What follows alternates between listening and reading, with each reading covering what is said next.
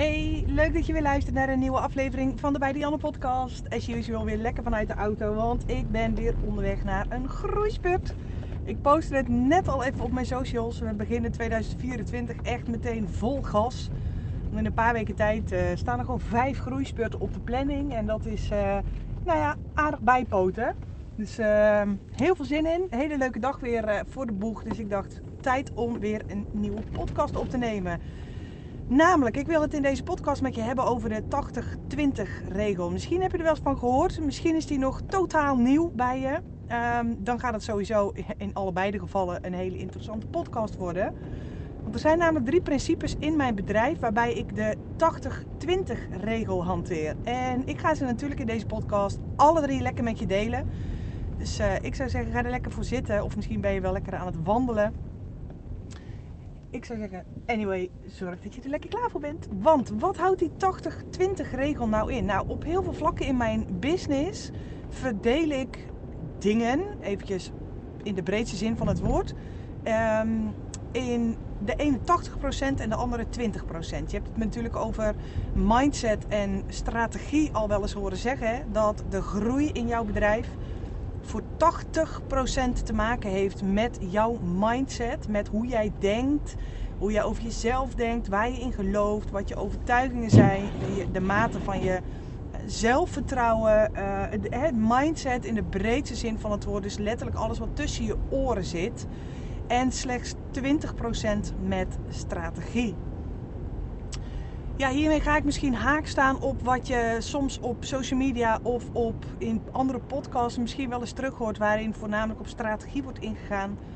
Was er mijn, ehm, ja, vanuit mijn visie is het echt de 80-20 regel. Dus op het moment dat je je bedrijf wilt gaan laten groeien, dan heb je als allereerste en het overgrote deel ook te werken aan je mindset. Nou, hoe werk ik aan mijn mindset? Want dat is misschien ook wel van ja, maar hoe werk ik dan aan mijn mindset?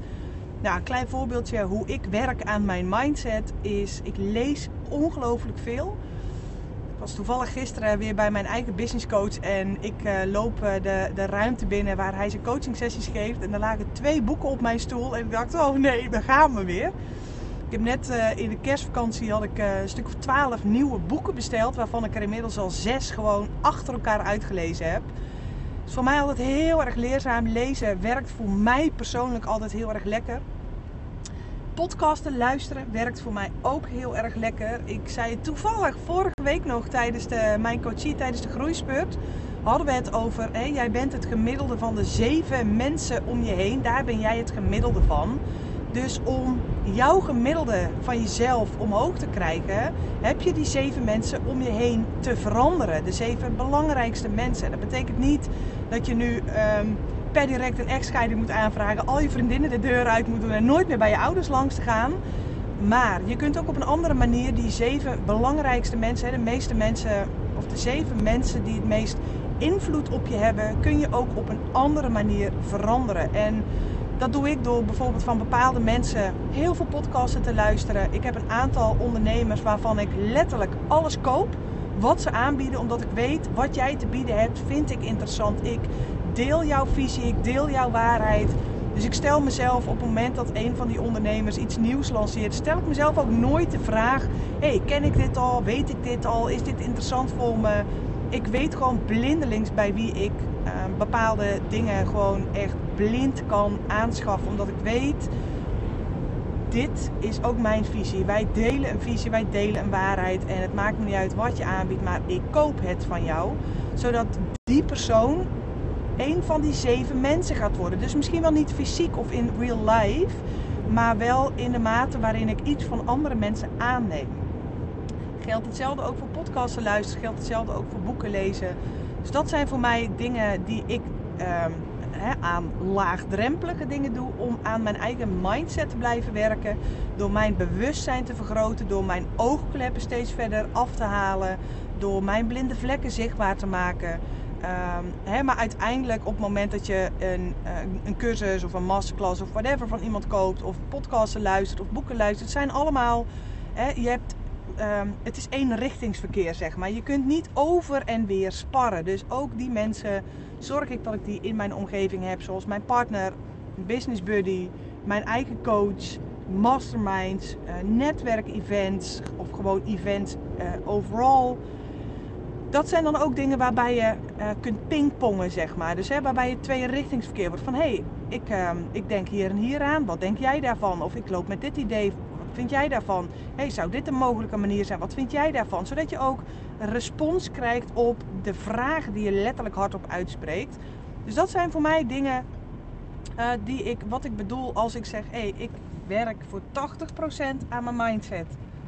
En de overige 20% is strategie. En dan ga ik heel tactisch denken van hé, hey, nou, misschien komen op dit moment wel uh, eh, 60% van mijn klanten uit social media. Hoe kan ik dat verder optimaliseren? Dus die route ga ik helemaal verder uitstippen. Van hé, hey, maar de mensen die nu al op mijn social media zijn, hoe zijn die bij mij gekomen? En hoe kan ik die route, door dat in kaart te gaan brengen, door mezelf dat soort vragen te stellen, kan ik ook strategisch aan de slag gaan om te kijken van hé, hey, oké. Dus hoe kan ik dat dan verder gaan optimaliseren? Misschien komt 40% wel via uh, mond-tot-mond reclame. Oké, hoe kan ik dat verder optimaliseren? Dus door dat soort dingen continu in kaart te blijven brengen, um, ja, helpt dat stukje werken aan mijn mindset helpt heel erg, omdat ik daarmee continu in mogelijkheden en in oplossingen blijf denken wat mijn, uh, ja, die overige 20% strategie alleen maar weer ten goede komt. Want ik kan mezelf op een ander niveau vragen stellen, waardoor ik ook op een ander niveau antwoorden en oplossingen ga krijgen. Dus dat is de allereerste 80-20 regel.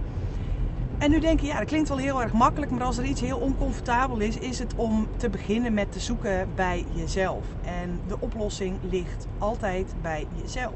Jij zult op zoek moeten gaan naar die oplossingen, maar je zult er ook open moeten gaan staan. Door heel duidelijk te weten, wat zijn mijn doelen? Waar wil ik naartoe? Waar word ik blij van? En um, ja, op die manier kan ik voor mezelf ook continu gaan kijken van... hé, hey, wat lekt er energie bij mij? He, dat is ook een stukje mindset wat lekt er energie bij mij? Want op het moment dat ik nieuwe doelen ga stellen voor mijn business en mijn leven, ga ik als allereerste kijken van hé, hey, wat lekt er energie? Want dat zijn dingen die jou op de plek houden waar je nu bent. Ze voelen enerzijds heel comfortabel, niet omdat je er het gewenste resultaat mee haalt, maar wel comfortabel in de zin van je weet in ieder geval waar je aan toe bent. Hè? Net zoals um, mensen de overtuiging hebben onbewust van nou ja, ik kan dit niet en het is niet voor mij weggelegd, ik ben niet goed genoeg, bladibladibla.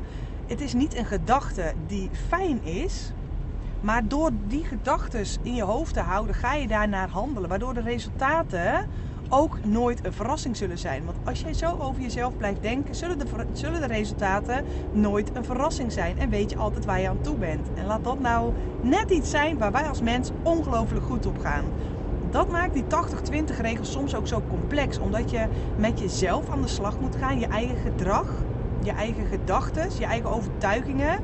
Um, jezelf continu als leerling proberen op te stellen. Dus leergierig te blijven. Hè? Leergierig blijven. Aan de ene kant denk je, ja leuk, want dan leer ik nieuwe dingen. Maar het nadeel van leergierigheid is dat je continu het gevoel kunt krijgen van ik ben nog niet goed genoeg. Ik weet nog heel veel dingen niet. En ja, feitelijk klopt dat ook zo. Maar die manier van denken gaat je niks opleveren. Dus wat ik bij mezelf probeer ik zo'n gedachte ook om te buigen. Van hé, hey, ik ga mijn leergierigheid combineren met nieuwsgierigheid. Van hé, wat is er allemaal nog meer mogelijk? En hoe kan ik spelenderwijs die stappen ook gaan zetten? Dus dat maakt dat de 80-20 regel in dit geval soms ook gewoon heel complex kan zijn. Omdat je, ja, het is best confronterend om die wil, ja, ik wou zeggen strijd is het eerste woord wat ik in mijn hoofd opkomt. Ik wil niet dat het als een strijd voelt. Maar als je die strijd met je eigen ego uh, aan wilt gaan, kan dat gewoon heel confronterend zijn. Alright, de volgende 80-20 regel is, komt een beetje op hetzelfde neer. Ook in je eigen marketing gaan we een 80-20 regel toepassen.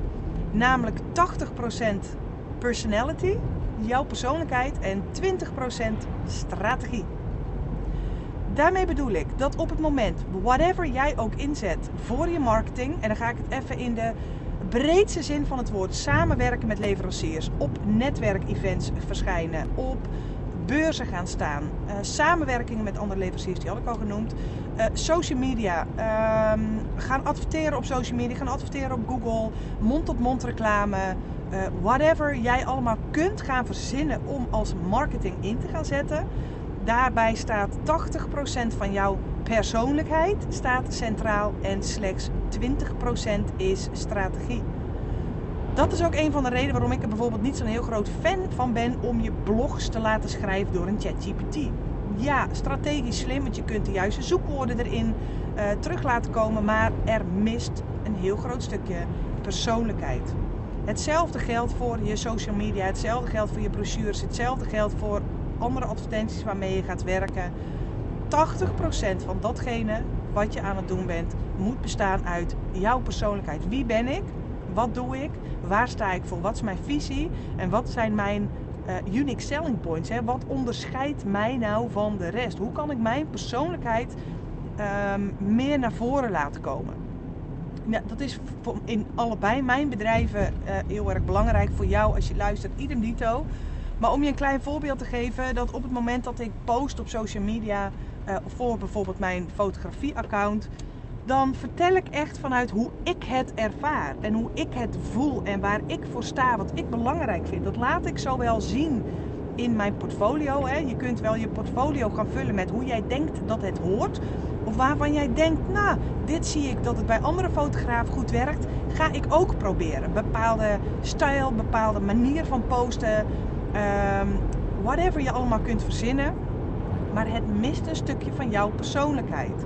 En daarmee bedoel ik niet dat ineens 80% van jouw feed op je fotografie-account gevuld moet gaan zijn met jouw hoofd.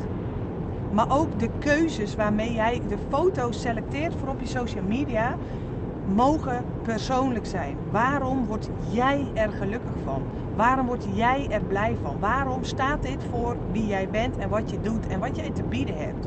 Hetzelfde geldt ook voor de teksten, hetzelfde geldt voor jouw uh, jouw uh, biografie op bijvoorbeeld social media, de stories die je gebruikt, de profielfoto die je gebruikt, de highlights die je gebruikt, de over mij pagina, de manier hoe jij je blog schrijft, mogen vanuit jou gaan komen. En 20% is strategisch denken door uh, wel te weten van hé, waar heeft mijn doelgroep behoefte aan. Dus ik ga zowel mijn visie delen als ook strategisch zorgen dat hun behoefte vervuld gaat worden. Dat is de andere 80-20 regel. En dan kom ik aan bij de allerlaatste 80-20 regel. Is ook weer een hele interessante. 80% van jouw resultaten komen voort uit 20% van jouw inzet. Van wat jij doet. En dat is best wel shocking. Want dat betekent dat 80% van wat jij doet zorgt voor slechts 20% van jouw resultaat. Laat die echt even tot je inzinken. 80% van wat jij doet zorgt voor slechts 20% van jouw resultaat. Wat voor mij heel erg helpt, is de taken in mijn business een bedrag gaan geven. Zodat ik weet dat ik elke dag, hè, zo heb je een activiteit in je business die bijvoorbeeld 10 euro waard is. Je hebt een activiteit die 100 euro waard is. Je hebt een activiteit die 1000 euro waard is. Wat ik bij heel veel ondernemers aan de lopende band zie gebeuren, is dat ze zich voornamelijk focussen op die klusjes, op die 10 euro klusjes. He, die 80% van het werk wat zorgt voor slechts 20% van jouw resultaat. Terwijl die 10 euro klusjes waarschijnlijk net zoveel moeite en energie kosten als de 1000 euro klusjes maar slechts 10 euro, eventjes een random bedrag, 10 euro in het laadje opleveren. Zo blijf ik fotografen bezig zien met hun huisstijl aanpassen. Weer een nieuwe website, een nieuw logo, een nieuw dit, een nieuw dat, een nieuw zus, een nieuw zo. Weer een nieuwe brochure, weer een nieuw zus, weer een nieuw zo. En ja, begrijp me niet verkeerd, het moet kloppen. Maar blijf er niet mee bezig. Dit is letterlijk wat ik bedoel met die 10 euro klusjes. Je kunt eindeloos al die shit blijven aanpassen. Maar uiteindelijk moet er in jouw bedrijf ook iets gaan gebeuren aan sales. Als jij voor jezelf eens nagaat. 80% van mijn klanten. 80% van mijn omzet, van mijn huidige omzet. Waar komen deze klanten, waar komt deze omzet vandaan? Uit welke activiteiten die ik gedaan heb, komen deze klanten bij mij terecht waaruit ik deze omzet kan gaan halen. Die vraag mag jij jezelf eens gaan stellen en dat zijn dingen waar jij je op mag gaan focussen. In plaats van continu achter de schermen dingen blijven doen, hè, de 10 euro klusjes blijven doen, mag je echt gaan kijken van hé, hey, waar komen op dit moment mijn klanten vandaan? Waar komt op dit moment het grootste gedeelte van mijn omzet vandaan? En hoe kan ik dat gaan verdubbelen? Hoe kan ik dat gaan optimaliseren? Want als jij je bedrijf wilt laten groeien, dan kun je het wel gaan zoeken in die 80% aan 10 euro klusjes. Die zorgen voor slechts 20 euro van jouw resultaat. Maar daarmee ga je nooit hele grote groei doormaken. En het is wel leuk, want ik ben nu natuurlijk weer onderweg naar de groeispurt. Maar dit is iets wat ik aan de lopende band aan het doen ben met mijn één op één klanten. Dus zowel in mijn jaartraject als in de groeispurt. We gaan kijken hoe dat we met die 20% van onze inzet die 80% kunnen gaan verdubbelen. En door daarop te focussen, zie ik ook continu dat mijn klanten dankzij één op één werken zulke grote resultaten gaan halen. Want we zijn zo genoodzaakt, of nou niet genoodzaakt, we zijn zo geneigd om maar bezig te blijven. Hè? Want dan hebben we tenminste het gevoel dat we wat aan het doen zijn. Terwijl het hem niet per se zit in maar bezig blijven. Maar juist even die stap terug gaan nemen. Even uitzoomen als een helikoptertje boven je bedrijf gaan hangen. Waar komt op dit moment het grootste gedeelte van mijn omzet vandaan? En hoe kan ik dat efficiënter in gaan zetten? op het moment dat jij weet, hier komt 80% van mijn omzet vandaan, dan zul je ook gaan zien van ja, verrek. Dit zijn inderdaad, dit is inderdaad omzet die komt uit slechts 20% van mijn inzet.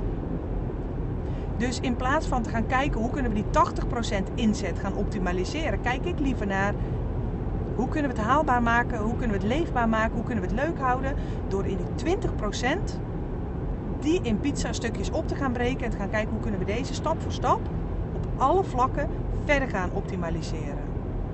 En daar zit heel veel meer groei in. Daar valt zoveel meer omzet ook uit te halen. Hè? Ervan uitgaande dat je je bedrijf ook qua omzet en winst wilt laten groeien. Dus dat zijn voor mij drie keer de 80-20 regels in mijn bedrijf die voor mij heel belangrijk zijn. Dat op het moment dat ik denk, nee, ik heb wel behoefte aan uitdaging. Of als ik denk, hé, hey, ik wil mijn bedrijf wel laten groeien, maar ik weet even niet meer waar ik het zoeken moet. Ga ik mezelf dus een andere soort vraag stellen. Ik ga niet direct in beweging komen. Want dan ga je allemaal van die 10 euro klusjes lopen doen. Dan ga je die focus allemaal leggen op strategie. En dan sla je dat stukje mindset en logisch nadenken ga je overslaan. Waardoor je over een jaar misschien wel wat gegroeid bent. Hè. Ergens hebben we ook gewoon een logische organische groei. En is het logisch dat je bedrijf verder gaat groeien. Maar ga je niet die omzet verdubbelen of verdriedubbelen. Die groei die gaat hem zitten in 80% mindset, 80% personality en 20% van je inzet. Alright, nou ik ga weer lekker afsluiten, want ik ben inmiddels bijna op locatie aangenomen. Korte podcast deze keer. Desalniettemin heel waardevol wat mij betreft.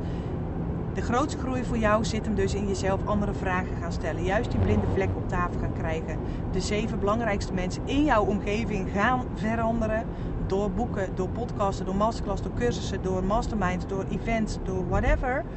Zorgen dat je op die manier geprikkeld gaat worden en je andere voorbeelden in je leven gaat krijgen. Alright. Dankjewel weer voor het luisteren en tot de volgende aflevering. Doei doei!